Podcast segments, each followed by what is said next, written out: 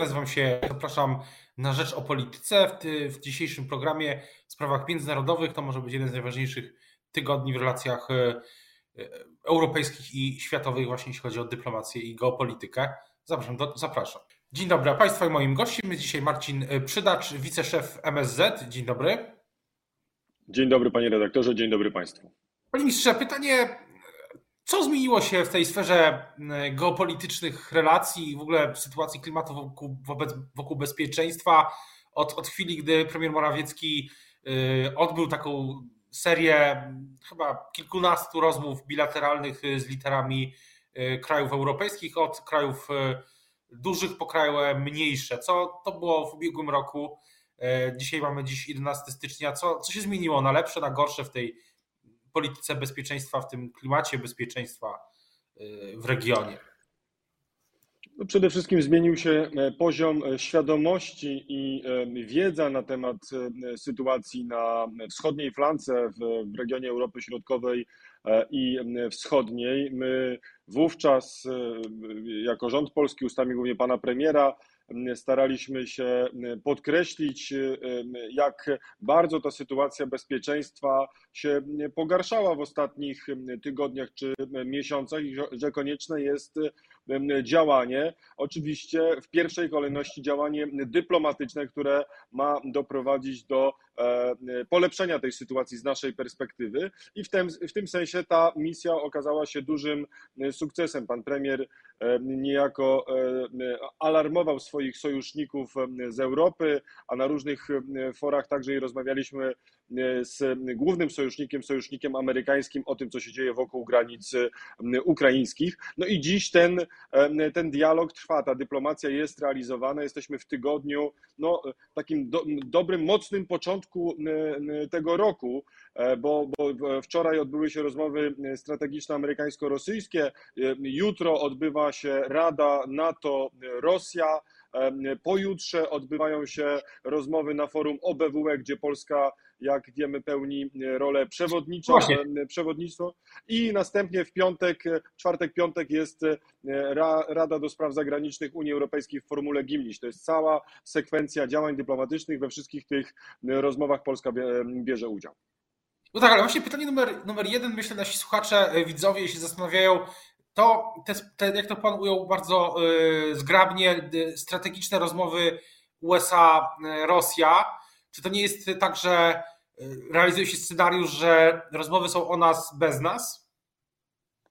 Panie redaktorze, no my od samego początku wskazywaliśmy na konieczność włączenia naszego regionu, zwłaszcza wschodniej flanki, do tych rozmów i ten cel osiągnęliśmy.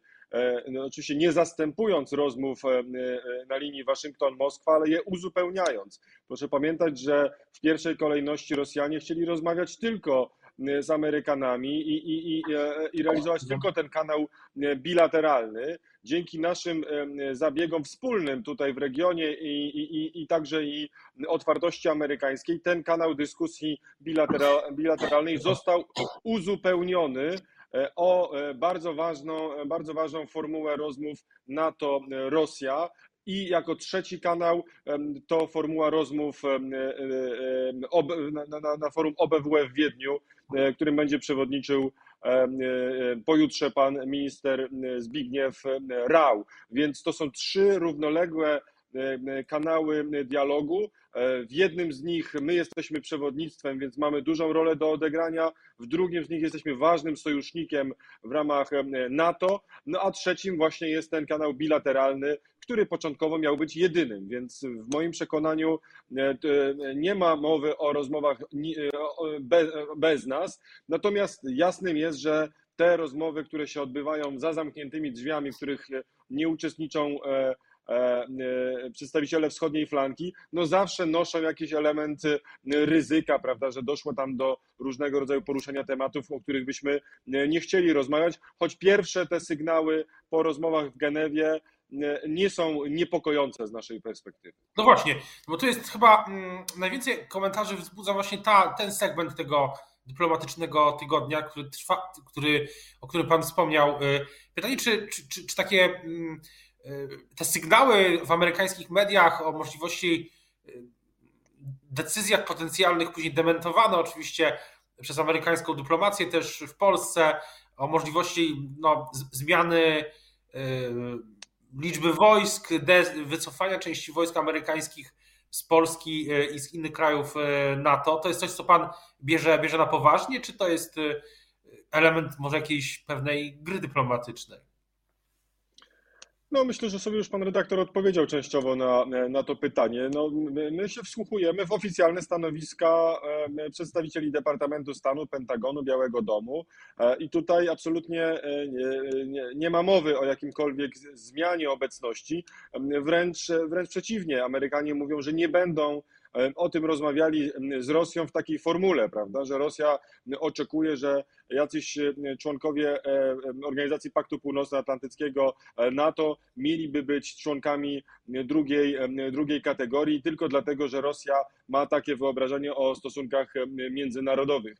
Więc ja to czytam jako formułę wzniecenia debaty publicznej po to, żeby uzyskać nowe, nowe narzędzie ewentualnego nacisku. No, te negocjacje e, odbywają się oczywiście w zamkniętych gronach, ale to, co się dzieje wokół, cała debata która narasta wokół, no ma też wpływ oczywiście na stanowisko poszczególnych dyplomatów, więc w ramach tych działań podprogowych próbuje się suflować, wzbudzać czy rozniecać debatę. Z naszej perspektywy tego typu w ogóle rozmowy, nawet publiczne dywagacje byłyby niekorzystne, dlatego ja niespecjalnie chciałbym wchodzić głębiej w taką, w taką rozmowę, bo ona na tym etapie jest kompletnie bezprzedmiotowa.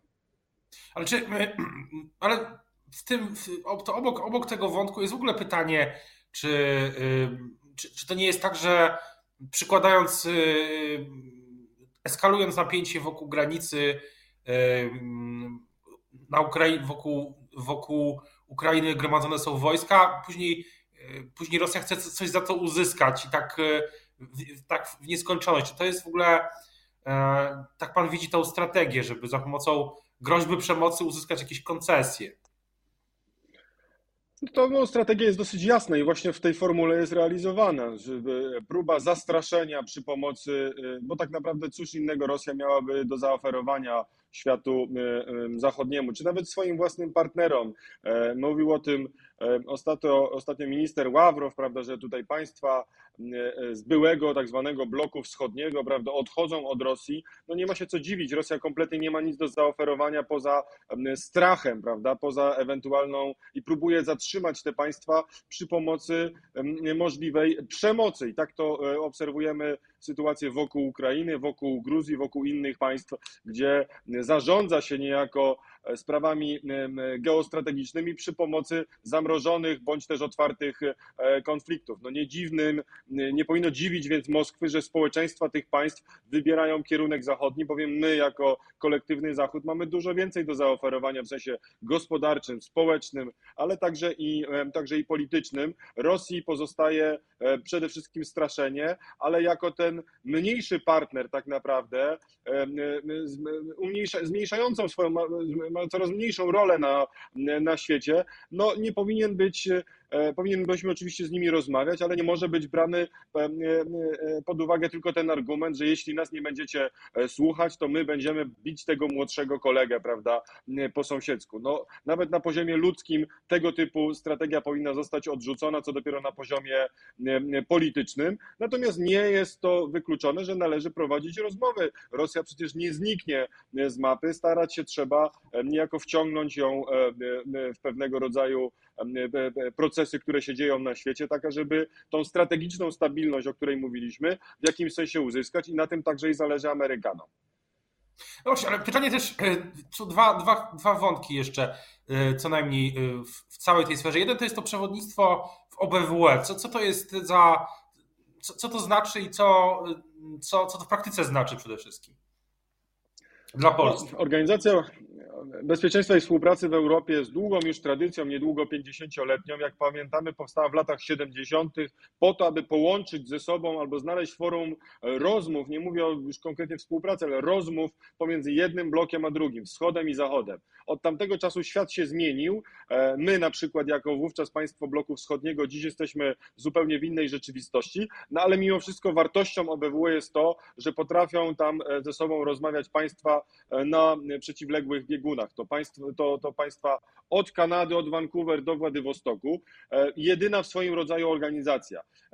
Polska uzyskała przewodnictwo przy pełnym konsensusie wszystkich tych państw. Wszystkie państwa zgodziły się na to, żeby to Polska prowadziła przewodnictwo i głównie dzisiaj zadaniem jest oczywiście tworzenie takiej platformy dialogu, w którym można rozmawiać, no jeśli nie o, rozwiązania pewne, o rozwiązaniach pewnych konfliktów, to przynajmniej jak się do takiego rozwiązania przybliżyć albo jak polepszyć rzeczywistość bezpieczeństwa w tej części świata. I my takie trzy priorytety sobie postawiliśmy w ramach każdego z koszyków. Jak pamiętamy, akt końcowy konferencji w Helsinkach mówił o trzech koszykach: politycznych, ekonomiczno-społecznym i prawno-człowieczym. I w każdym z nich mamy swój priorytet na ten przyszły rok. Jednym z nich w pierwszym to są oczywiście te konflikty, żebyśmy o nich rozmawiali. To, co się dzieje wokół Donbasu, to, co się dzieje wokół Gruzji, to, co się dzieje wokół Naddniestrza. To po pierwsze. Po drugie, kwestie żebyśmy nie, zapominali o tym, że tam wokół tych konfliktów cierpią ludzie. Nie tylko w samej strefie walk,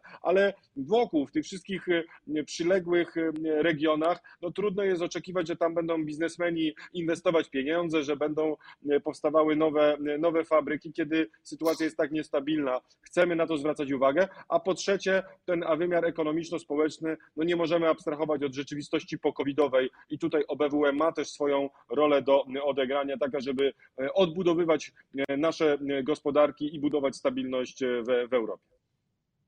Co do sytuacji tej, tego bezpieczeństwa, to um, oczywiście kontekstem też zaczęliśmy od tego, tej serii spotkań pana premiera Morawieckiego, ale kontekstem jest też to, co dzieje się na na wschodniej, wschodniej granicy Polski. To był kontekst w ubiegłym, w ubiegłym roku oczywiście. Też wielokrotnie o tym rozmawialiśmy. Pytanie, czy po pierwsze, czy, czy uważa Pan, że dzisiaj ta sytuacja jest no, zamrożona na, na tej granicy? I pytanie, co się wydarzy Pana zdaniem, też zdaniem polskiego rządu? Jakie są Państwa analizy, jeśli chodzi o wiosnę, powiedzmy czas marzec, kwiecień, tak, tak bym to ujął? Panie redaktorze, wszystko też zależy od efektu tych rozmów w dzisiejszych, najbliższym czasie, bo pamiętajmy, że to są wszystko naczynia połączone. To nie jest tak, że Aleksandr Łukaszenka może realizować w pełni niezależną politykę bez zielonego światła z Kremla. E, I ja osobiście tak też czytałem między innymi tą sytuację na granicy unijno-białoruskiej jako próbę przetestowania, zbadania gotowości NATO, Unii Europejskiej do reakcji ewentualnej i przetestowania jedności.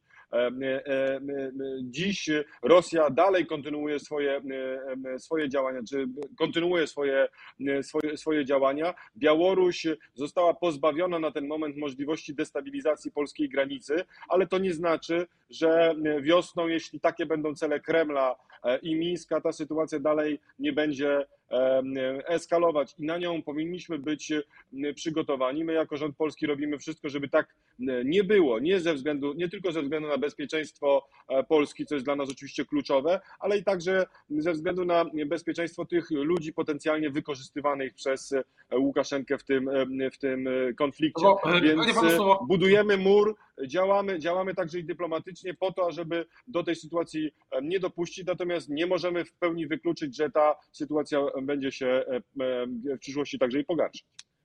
Ale też y, prezes Kaczyński w niedawnym wywiadzie mówi, że proszono o bilans y, tych wydarzeń w ubiegłym roku. No, mówi, że, że Polska się obroniła, że taki jest, że ta sytuacja nie jest zakończona, ale że w tej fazie, powiedzmy, ubiegłorocznej się, się Polska obroniła. Używa takiego, takiego stwierdzenia, ile dobrze pamiętam. Pan się pod tym podpisuje? Użyłby pan takiego słowa?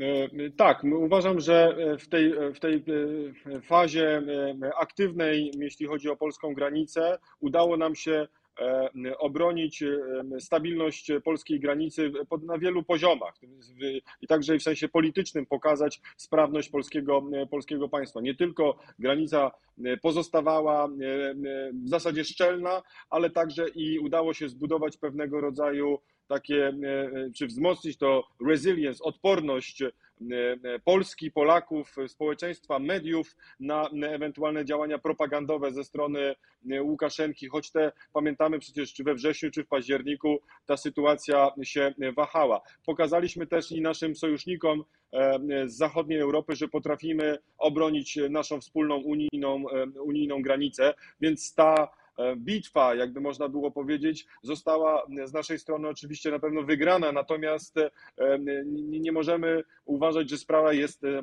zamknięta. Musimy być ciągle przygotowani na ewentualne scenariusze, bo tego nas, do tego nas też przyzwyczaił Aleksandr Łukaszenka i Władimir Putin, że ciągle sprawdza, gdzie są jeszcze słabe punkty, gdzie można byłoby zaatakować i przecież o ile rok czy dwa lata temu niewielu z nas pewnie spodziewałoby się, że mogą być ludzie wykorzystywani jako amunicja w walce e, politycznej. E, no, było to pewnego rodzaju nowum. Tak, e, zarówno Kreml, jak i Mińsk mogą w przyszłości skorzystać z innych narzędzi, które dziś mogą się wydawać dość nieprawdopodobne, ale my powinniśmy być na nie gotowi. Na koniec jeszcze pytanie o Kazachstan. Czy to jest, jak pan ocenia rozwój sytuacji w Kazachstanie? Czy to jest tak, że tam będzie mm, próba mm, białoruśnizacji sytuacji, o tak bym to ujął, jeśli chodzi o wpływy Rosji? To jest o to, o to tutaj chodzi? No, z całą pewnością Rosja e, chce poszerzać swoją strefę e, wpływów i każdy rodzaj niestabilności wewnętrznej w państwach sąsiedzkich jest od razu e, w sposób błyskawiczny wykorzystywany przez, przez Kreml i na pewno taka idea przyświecała wysłaniu wojsk w ramach OUBZ do Kazachstanu, nie tylko chęć udzielenia tak zwanej bratniej pomocy. Znamy to z historii, że za tym hasłem bratniej pomocy często idzie brutalna polityka. No, Kazachstan, szarpany wewnętrznymi e, e, niepokojami, no, był w momencie słabości oczywiście i była potrzeba także i uzyskania wsparcia zewnętrznego. Dziś ta sytuacja wygląda inaczej. Wczoraj e, rozmawiał minister Zbigniew Rau ze swoim kazachskim odpowiednikiem, ministrem Tolberdim. Mamy tutaj informację, że jak tylko sytuacja się uspokoi wewnętrznie, wojska partnerów zewnętrznych Kazachstanu zostaną wycofane z terytorium e, e, tego państwa. E, natomiast no, jak to się przełoży na dalsza, dalszą przyszłość E, Kazachstanu, no to jeszcze przyjdzie nam to e, oceniać e, w przyszłości. Na pewno jest to pewnego rodzaju sygnał alarmowy, że społeczeństwo Kazachstanu do tej pory dość stabilnego państwa jest niezadowolone, czy było niezadowolone z wewnętrznej sytuacji w tym państwie, z podziału dóbr. Byli bardzo bogaci, byli bardzo biedni. Na pewno z tego też będą chcieli wyciągnąć wnioski rządzący w Kazachstanie, a stabilny Kazachstan jest wartością dla nas wszystkich, także i dla nas tutaj partnerów e, z Unii Europejskiej i NATO. Na koniec jeszcze zupełnie na koniec pytanie o Pana taką prognozę ogólną na ten rok, jeśli chodzi o sferę e, bezpieczeństwa. Czy, czy dojdzie do jakiegoś e, przełomu korzystnego lub oczywiście tego nikt nie chce, niekorzystnego, jeśli chodzi o bezpieczeństwo, czy za rok będzie raczej więcej, przepraszam, że użyję takiego słowa, więcej tego samego, takich przesuwania do tego, mm, nazwijmy to, frontu bezpieczeństwa na różnych polach, różnych miejscach, ale bez gwałtownych działań. Jak pan sądzi, jak to będzie przez te 12 miesięcy? Panie redaktorze, oczywiście życzyłbym sobie pełnej stabilności i spokoju, zwłaszcza w naszym, w naszym regionie, ale czasy są niepewne. Z jednej strony oczywiście to wychodzenie e, z e, tej zadyszki e, pokowidowej, wpływ na rzeczywistość społeczno-gospodarczą na pewno będzie powodował niestabilność, ale z drugiej strony także i Rosja, jeśli utrzyma tego typu politykę, także i politykę energetyczną, jeśli jej na to pozwolimy, z całą pewnością będzie chciała korzystać z tej sytuacji i przesuwać, a przynajmniej testować te granice, to w naszym regionie z trzeciej strony mamy oczywiście napięcia na linii Pekin, Waszyngton, więc ja oczywiście, tak jak mówię, chciałbym spokoju i stabilności, ale powinniśmy przygotowywać się na to, że czasy mogą być niespokojne, a już na pewno my, jako Ministerstwo Spraw Zagranicznych, jako rządzący, powinniśmy i to robimy, przewidywać raczej te negatywne scenariusze, oby się nie spełniły, ale, ale wa wartością jest to, żebyśmy byli gotowi na to, co może się, może się zdarzyć. Mam nadzieję, że tak nie będzie, że będzie, że będzie zupełnie spokojnie, natomiast przewidywania raczej bym był tutaj ostrożnym pesymistą, aniżeli jakimś hura optymistą. O tym, co dalej w rozmowach w Genewie i nie tylko, oczywiście także w szeroko pojętej sferze bezpieczeństwa będziemy to uważnie śledzić. Teraz bardzo dziękuję za rozmowę. Państwa i moim gościem dzisiaj był wiceszef MSZ Marcin Przydacz. Dziękuję bardzo. Bardzo dziękuję.